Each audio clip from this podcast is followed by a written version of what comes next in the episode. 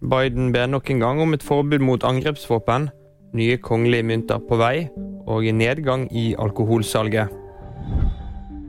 Biden vil ha forbud mot angrepsvåpen. Det sa president Joe Biden under en minnemarkering for ofre for masseskytinger i USA. Det er helt sunn fornuft, sa presidenten i en tale onsdag kveld. Markeringen har blitt holdt årlig de siste ti årene, og minnes ofrene for masseskytinger og drap begått med skytevåpen.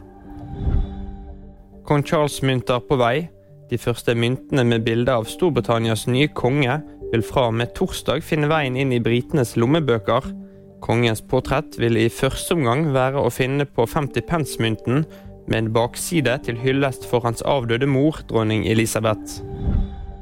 Markant nedgang i alkoholsalget.